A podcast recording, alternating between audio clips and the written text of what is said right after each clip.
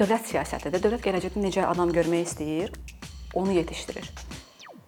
İndi nazirlik də fikirləşməlidir ki, o gələcəyə hansı mesajı vermək istəyir uşaqlar vasitəsilə, necə vətəndaş görmək istəyir. İctimai şuur inkişaf eləmiş, özünə inanan, fərqindəliyi yüksək olan vətəndaşmı, yoxsa 700 balıq robotlarmı?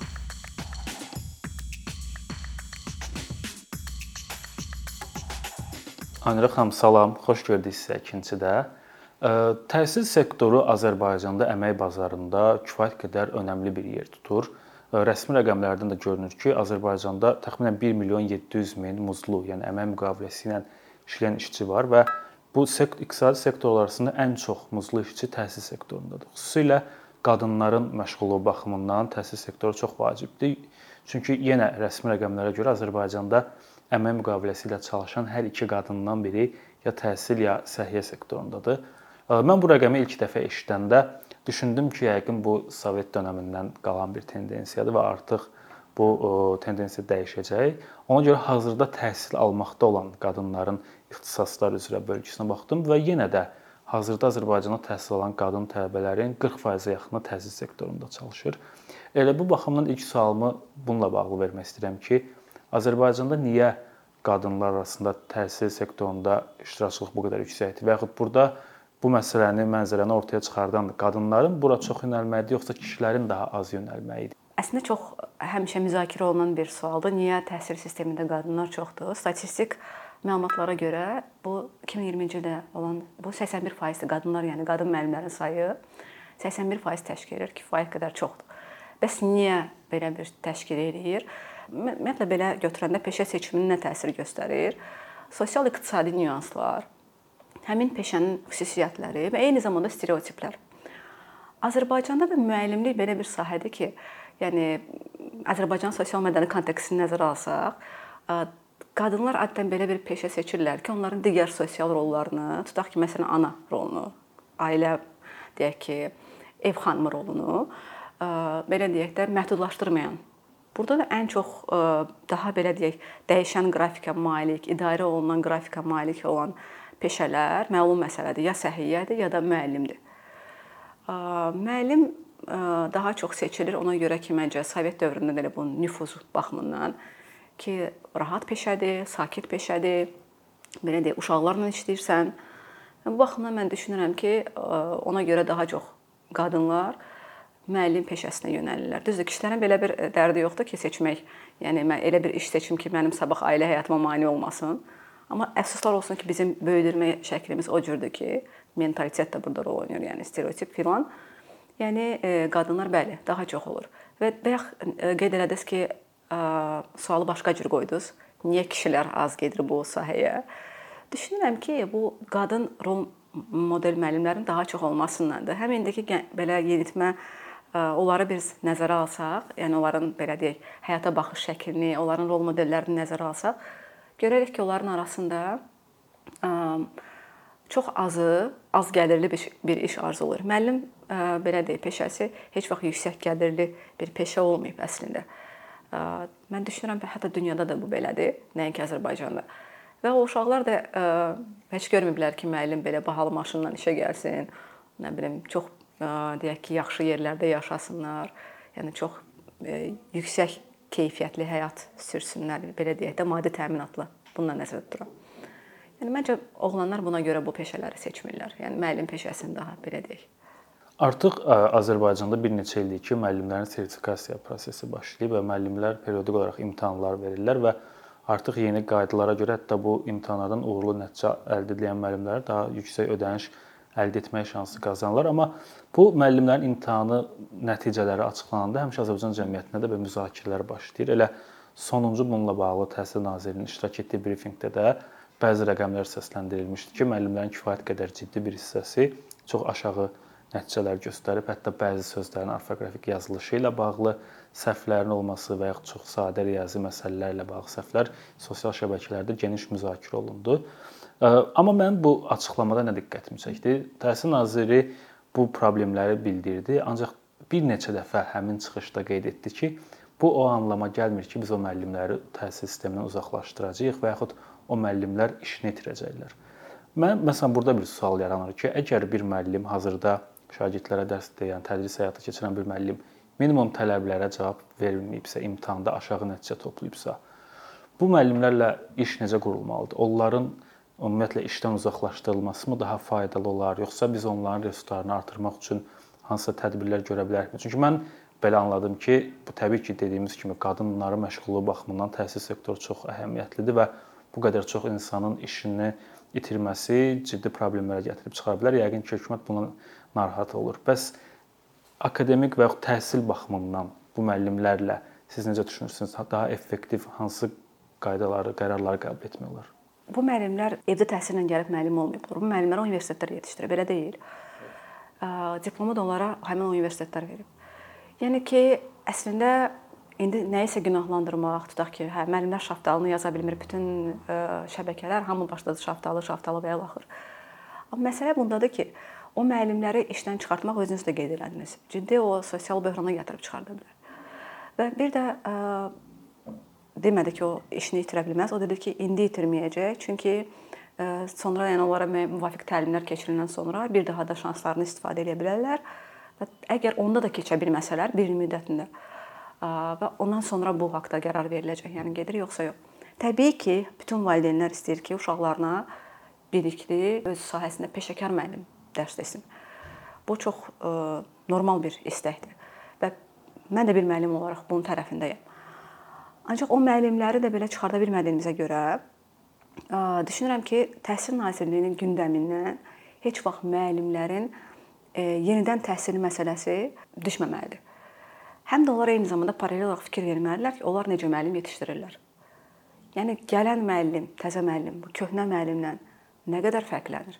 Məncə nazirlik daha çox ona fikir verməlidir. Biz nə nəyə ki, bu 30-40 il təcrübəsi olan müəllimi birdən-birə çıxarda bilməyəcəyimizə görə daha çox oradan. Çünki yavaş-yavaş, yəni zaten təhsildə belə bir məsələdir ki, hər şey ə, dəyişikliklər 2-3 ilin içində olmur. Yəni uzun illər tələb olunur. Buna görə də biz o müəllimlərə, yəni aşağı bal toplayan ə, Təhsil Nazirinin deyimincə, yəni ki, uşaqlara tədris etmək iqtidarında olmayan müəllimlərə ancaq təlimlər keçmək lazımdır və onlara mentorlar vermək lazımdır xüsusi. Yəni ki, onlar necə inkişaf edə bilərlər. Başqa bunun bir çıxış yolunu düzünü mən görmürəm. Amma sertifikasiyanın bir tərəfi, müsbət tərəfi oldu ki, müəllimlər öz üzərində işləməyə başladı. İndiyənə qədər müəllim üçün fərqi yox idi. Məsələn, mən öz üzərimdə işləyirəm. Tutaq ki, digər öz üzərində işləmirsə, bunun mənim məvacibimin bir təsiri yox idi. Yəni məndən karyera, deyək ki, ambisiyalarıma, nə, deyək ki, məvacibimə bir təsiri yoxdursa, burada mənim marağım niyə olmalıdır ki, mən özümü inkişaf elətdirim? Sırf insani perspektivdən baxaq da buna özünü reallaşdırma marağı yox idi. Ancaq indi görəndə ki, belə bir perspektiv var, müəllim başladı oxumağa nəzəriyyələri, təhsil nəzəriyyələrini, başladı nə bilim digər öz peşəsinə bağlı son məlumatları öyrənməyə və bu çox gözəldir, həqiqətən çox gözəldir. Sadəcə burada bir nüans yaranır ki, düzdür, sertifikasiyanın bir test mərhələsi, bir də müsahibə mərhələsi oldu. Müəllimlər də müsahibəyə də hazırlaşdılar, testi də hazırlaşdılar, yəni ki, digər müəllimlərlə. Mən o nəzəriyyəni öyrəndim. Müsahibədə bunu denən, bunu demə onu öyrəndim. Bəs yaxşı, mən onu sinifdə nə qədər tətbiq edirəm? Bu hissəsinə maraqlanan varmı? Deyəcəksiniz ki, məktəb rəhbərliyi, okey, məktəb rəhbərliyi bunu qiymətləndirəcək bilik və səriştəyə malikdir. Bax, bu da məni həmişə narahat eləyir. Məktəb rəhbərliyi müəllimdən daha biliklidirmi? Bəs o öyrəndiklərini sinifdə tətbiq etməməsinə hansı səbəblər yol açır maraqlıdır? Yəni sadəcə olaraq müəllimin içində məsuliyyəti ilə bağlı fərqindəlik yoxdur.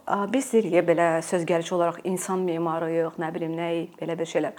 Ancaq nə qədər müəllim bunun içində hiss edir ki, mən insan yetişdirirəm. Bir TED çıxışda baxmışdım ki, deyir, siz əgər müəllimsinizsə, siz əgər valideynsinizsə və ə, himayəçisinizsə, çox şanslısınız. Çünki gələcəyə mesaj vermək şansınız var. Bəs nə qədər müəllim başa düşür ki, bu uşaq mənim gələcəyə mesajımdır. Mən nə mesaj vermək istəyirəm? Yəni nə qədər müəllim bu haqqda fikirləşir? Nə qədər müəllim işinin fərqindədir? Nə qədər müəllim özünün fərqindədir ümumiyyətlə? Yəni məndə o dəyər varmı öyrətmək olaraq? Bu məsələlər ə, düşünürəm ki, çox əhəmilidir. Bəli, ə, təhsil məsələsi müzakirə ediləndə tez-tez gündəmə gələn bir mövzuda məktəbin uşaqlara hansı tip bilikləri ötürməsi məsələsidir. Çünki Tez-tez tənqid olunur ki, Azərbaycanda şagirdlər əzbərçiliyə öyrəşdirilir, müasir dəyərlər fərqlidir. Ümumiyyətlə mənə maraqlıdır ki, bu müasir modern təhsil nəzəriyyələrinə görə məktəbin funksiyası nədir? Yəni məktəb şagirdlərə hansı tip bilik və bacarıqları qazandırmalıdır? Təhsil Nazirliyi son zamanlar yəni çox ciddi yeniliklər eləyir sistem sahəsində və digər məsələlərlə bağlı, hansı ki, alqışlayıram. Ancaq bu islahatları yerinə yetirən adamlar müəllimlərdir, elə deyil. Yəni sən çox şey gətirə bilərsən, ancaq onu sinifə apara biləcək insan müəllimdir. Bu islahatlar o müəllimlərlə düzgün kommunikasiya edilirmi? 21-ci əsr bacarığı odur ki, yəni burada fikir verilir birinci təməl savad, yəni ki, hansı ki, yazıb oxumaq, nə bilim, riyazi bacarıqlar, sonra maliyyə savadlılığı. İkinci onların fikir verdiyi soft skills deyirlər də, belə də yumşaq bacarıqlar. Tənqidi zəkanın inkişafı, nə mühakimə qabiliyyəti, belə deyək də, tez qərar qəbul etmə, ünsiyyət, əməkdaşlıq və bu kimi məsələlər. Və üçüncü şəxsi keyfiyyətlər, dəyərlər. İndi gəlin görək bizim müəllimlər bu hər üç komponentin uşağa ötürülməsinə nə qədər hazırdılar? Yenə gəlir hər şey müəllimin üzərində fokuslanır. Yəni biz nə qədər uşağa dəyərləri öyrədirik? Nə qədər o dəyərləri uşaq izləyərək öyrənir? Əməkdaşlıq deyirik. Baxın, müəllimlərdə bizdə bu haqqda müəllimlərlə bağlı heç bir tədqiqat yoxdur ümumiyyətlə Azərbaycanda. Əgər mən inanıram ki, nazirlik o vaxt səmimidir ki, müəllimlərin ehtiyacını öyrənir həqiqətən və ona uyğun bir e, belə deyək də təlimlər verir və o təlimlər də keyfiyyətli olmalıdır. Mən görürəm iş yoldaşlarımla da hələ də ünsiyyətlərim var. Ünsiyyətim var. Mən necə təlimlərə qoşulurlar. Nə qədər keyfiyyətlidir o təlimlər? Nə verir doğrudan o müəllimə? O müəllimin işdən sonra onsuz nə qədər yükü var və üstəgəl o təlimə qatılması, o müəllimə bir şey dəyişdirilmi onun səriştəsində, peşəkarlığında? Bunlar sorğulanmalıdır. Və tutaq ki, belə deyək də, o kitablarda ki var tənqidi zəkanın inkişafı. Nə qədər müəllim bilir ki, tənqidi zəka nədir? Necə kritik deyək ki, hər nə isə tutaq ki, bir materiala necə kritik münasibət göstərmək olar. Müəllimlərin özlərinin əməkdaşlığı hansı səviyyədədir ki, uşaq ona aşılasın? Məsələn, mənim işlədiyim dövrdən tutaq ki, mən düşünürəm ki, yadıma salıram. Bir müəllim o birisindən soruşmağa çəkinirdi ki, deyəcək, mən zəifəm. Bizdə ümumiyyətlə belə bir komplekslərlə böyüdülük də uşaqlıqdan. Müəllim başa düşməli yazan Google deyil. Onu uşağa da aşılamalıdır. Bir şey bilməmək normaldır. Amma bunu öyrənmək, yəni öyrənmək istəyi olmalıdır müəllimdə də, uşaqda da. Biz bilirik ki, uşaq gününün yarısını məktəbdə keçirdir. O müəllimdən nə isə görürsə onu nə qədər müəllimlər çox əməkdaşlıq eləyəcəksə, bir-birindən çox öyrənəcəksə, uşaq da ona baxacaq və onu eləyəcək istər-istəməz. Uşaq çox şey məktəbdə öyrənməlidir, evdə yox. Çünki valideynlərin hamısı ə, ali təhsil deyirlər, pedaqogiya, psixologiya bilmirlər. Ancaq məktəbin borcudur ki, 21-ci əsr bacarığını uşağa öyrətsin. Ancaq necə? Yəni təqdimat bacarıqları tutaq ki, kommunikasiya bacarıqları öyrədilirmi məktəbdə düzgün şəkildə? Yəni bundan kim məşğul olur? Bax bunlar mənə düzün desəm biraz ə, e, sual altında qalır ki, uşaqlar e, dövlət məktəblərindən söhbət gedir. Mən özəlləri bilmirəm. Dövlət məktəbində uşaq 21-ci əsrə hazırlanırmı? Yəni biz gələcəyin vətəndaşını deyirik. Yəni nə qədər hazırdır? Yəni adi növbəyə durmağı biz uşağa öyrədirikmi məktəbdə? Azərbaycanda ümumiyyətlə mənim ə, e, müşahidələrim belədir ki, təhsil sistemi daha çox tənqid olunur. Xüsusilə bu buraxılış imtahanları və ya qəbul imtahanları ilə bağlı nəticələr açıqlananda elə statistik rəqəmlərdən də görünür ki, kifayət qədər ciddi bir hissəsi şagirdlərin və abituriyentlərin çox zəif minimal nəticələr göstərirlər. E, bu baxımdan sualı belə qoymaq istədim ki, həm o siz dediyiniz 21-ci əsr bacarıqlarını Azərbaycan məktəbləri niyə tam qazandıra bilmir və ümumiyyətlə bu zəif göstəricilərin baş verməsində hansı əsas səbəblər olunur və Azərbaycanda daha keyfiyyətli, daha dayanıqlı bir təhsil modeli qurmaq üçün siz hansı vacib addım, ən əsas hesab etdiyiniz addımlar hansıdır? Hansı dəyişikliklər bizə ciddi bir keyfiyyət artımına gətirib çıxara bilər? Bizdə bir birsiz məsələ nədən ibarətdir? Mən e, bunu Amerikaya gedəndə də gördüm. Orada bizi məktəblərə apardılar və mən orada doğrudan çox ciddi, yaxşı məndə bir şok yaşadım ki, onlar bir tarix dərsini məsəl üçün bir neçə dəfə keçirlər. Bir mövzunu tutaq ki, bir semestr ərzində. Mən soruşdum, niyə bəs bir mövzunu da neçə belə keçirsiniz? Onlar dedi ki, tutaq falan müharibəni keçirirsə, hər perspektivdən müharibəni uşaq araşdırmalıdır. Məsələn, mən Gürcüstan müqaviləsini uşaq, ə, uşaqlara öyrədirəm. Biz onu Azərbaycan perspektivindən ancaq öyrənirik. Nə onun ə, Rusiya perspektivini, nə İran perspektivini. Birinci bizim uşaqların ə, dil bacarıqları zəifdir. Yəni əslində siz ingilis dili proqramına baxsaz, mən məktəbi qutaranda pre-intermediate səviyyəsində danışmağı bilməliyəm. Bilirəmmi? Yox. İkinci məsələ odur ki, yəni Azərbaycan dilində məlumatlar məhduddur da, yəni ki, mən istərsəməz İranın perspektivini öyrənmək üçün ingiliscə araşdırmalıyam və yaxud da ki, heç olmasa rusca araşdırmalıyam tutaq ki. Azərbaycan dilində məlumatlar məhduddur. Uşaqlara sorğulamağı öyrətmirik. Yəni uşaq səhv Einstein deyirdi ki, bizim ə, heç vaxt dayandırmalı olmadığımız belə deyək məsələ həmişə izləməli olduğu məsələ uşaqların sorğulamaq qabiliyyətidir. Yəni biz onu uşaqlara öyrədirikmi? Niyə? Nə üçün? Yəni bizim bir müəllimimiz vardı, professor bizə dedi ki, niyə sualı möcüzələr yaradır. Yəni uşaqlar sorğulamır. Yəni sadəcə əzbərləyir. Bilir ki, tutaq ki, falan sahə gəlirlidir. Heç dəyərləri də ora qatmır peşə seçəndə. Çünki ona heç kəs onu öyrətmir. Necə mənə deməmişlər bunu. Və gəlir peşəsini seçir, sonra da birdən ayılır ki, 4-cü kursda əslində onun heç ədalət hissi yüksək deyil, əslində o hə, hakim olmaq istəmirdi. Və yaxud da nə bilim uşaqları sevmir. Yəni müəllim, amma müəllim oxuyub yəni. Buna görə də yəni düşünürəm ki, niyə bu bununla bağlı biz komplekslə nə, necə yanaşmalıyıq? Uşaqlara fərqindəliyi aşmamalıyıq. Məsələn, mən Britaniyadan gördüm ki, məktəblərdə onlar uşaqlara hər şeyin fərqində olmağı öyrədirlər. Nəyi Nə üçün, niyə edirəm? Ümumiyyətlə özünlə birinci, özünü öyrənməlisən. də bunu bizə heç kəs öyrətmir ki, sən birinci özündən özünü başa düşməlisən, sonra ətrafa başa düşməyə cəhd göstərməlisən. Və bütün bunlar baş verəndən sonra, sonra baxırsan ki, dünya necə işləyir. Daha digər şeylər sonra gəlir bu maraq, nə bilim, ə, deyək ki, ə, necə deyim, dözümlülük deyirlər də, tutaq ki, uğursuzluqlara dözümlülük və el axır və el axır. Biz bunları uşaqlara aşılamadıkca ancaq robotlar məncə yetişdiririk. Yəni buna görə də yəni uşaqlar neçə bal topladı, ay nə bilim ə, necə deyim sizə o, o uğurlar, nailiyyətlərini məsələn 700 ballıq uşaq mənim üçün uğur deyil. Sən gəl o uşağı 30 dur söhbət elə görə o nə qədər başa düşür hər şeyi. Nəyin niyə oxuduğunu, necə başa düşür. Yəni biraz sorğulamağa öyrətsək, yəni məncə hər şey çox yaxşı olacaq. Uşaq başa düşür mən niyə Azərbaycan dilini öyrənməliyəm? Mən niyə riyaziyyatı öyrənməliyəm? Mən təməl savad niyə lazımdır? Yəni bu bunları məncə biz öyrətməliyik onlara, ancaq sorğulamaq. Ondan sonra hər şey yoluna düşəcək. Yəni birdən-birə də bir fantastik planlar demək istəmirəm, çünki yəni bura Azərbaycandır, maliyyə məsələləri var və digər-digər məsələlər və təhsil uzun zaman alır. Sadəcə bu balaca məsələlərdən başlasaq biz, kiçik məsələlərdən. Düşünürəm ki, çox ciddi uğurlar əldə edə bilərik bir neçə ildən sonra yəqin ki.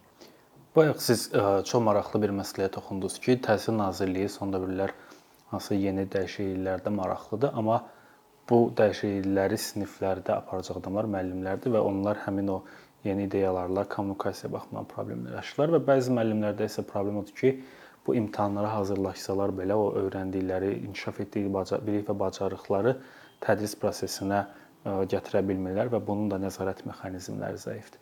Bu baxımdan mənə maraqlıdır ki, həmin o nazirlik və müəllimlər arasında kommunikasiyanın aşağı olması və yaxud bəzi hallarda müəllimlərin o siz dediyiniz kimi gələcəyin insanların yetişdiyinin fərqində olmamasının səbəbləri nədir? Yəni bu ə, e, sırf şəxsi xarakterə görə belə yaranır, yoxsa müəllimlərin peşə fəaliyyətinə və sosial təminatı ilə bağlı hansısa məsələlər məsələn bura gətirib çıxarır? Əslində hamısı. Yəni ki, birinci ə, hər şeydən əvvəl birinci sosial rollarımızdan qabaq belə deyək də, bir peşədən qabaq. Sən insan olaraq dəyərlərin olur. Elə deyil, sən nə isə niyəsə eləyirsən. Və eləcə də öyrətmək, müəllimin də motivasiyası aşağıdırsa, onun özündə dəyər olaraq öyrənmək yoxdursa, uzun müddətli, yəni həyat boyu öyrənmə belə deyək. Yoxdursa, ona çətin olacaq.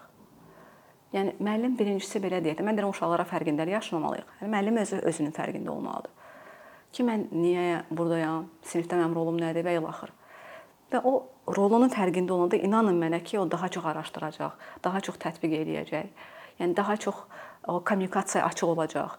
Naziri ola bilər deyə kommunikasiya başlasın və nə etsin, amma müəllim açıqdırmı? Müəllim deyir ki, dərsimi keçim, çıxım gedim. Tutaq. Çünki bir ton deyək problemi var.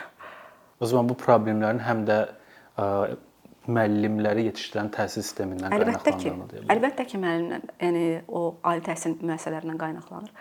İndi gedək e, tələbələr arasında məncə sorğular aparaq, da ki, nə bilim araşdırmalar aparaq. Yəni o tədqiqat məsələləri çox əhəmiylidir. Yəni bunu nazirlik aparmalıdır ki, bilsin onu nə gözləyir gələcəkdə. O təhsil belə bir e, necə deyim, belə bir nüansdır ki, dövlət siyasətidir. Dövlət gələcəkdə necə adam görmək istəyir, onu yetişdirir. İndi nazirlik də o bayaq mesaj vermək dedim. Fikirləşməlidir ki, o gələcəyə hansı mesajı vermək istəyir uşaqlar vasitəsilə, necə vətəndaş görmək istəyir. İctimai şuur inkişaf eləmiş, özünə inanan, fərqindəliyi yüksək olan vətəndaşmı, yoxsa 700 balıq robotlarmı? Nə görmək istəyir? Yəni bu suallardır əsas. Çox sağ olun Aynur xanım, çox maraqlı söhbət üçün təşəkkür Çox təşəkkür edirəm dəvət üçün. Çox sağ olun fikirlərimi aldığınız üçün. Minnətdaram.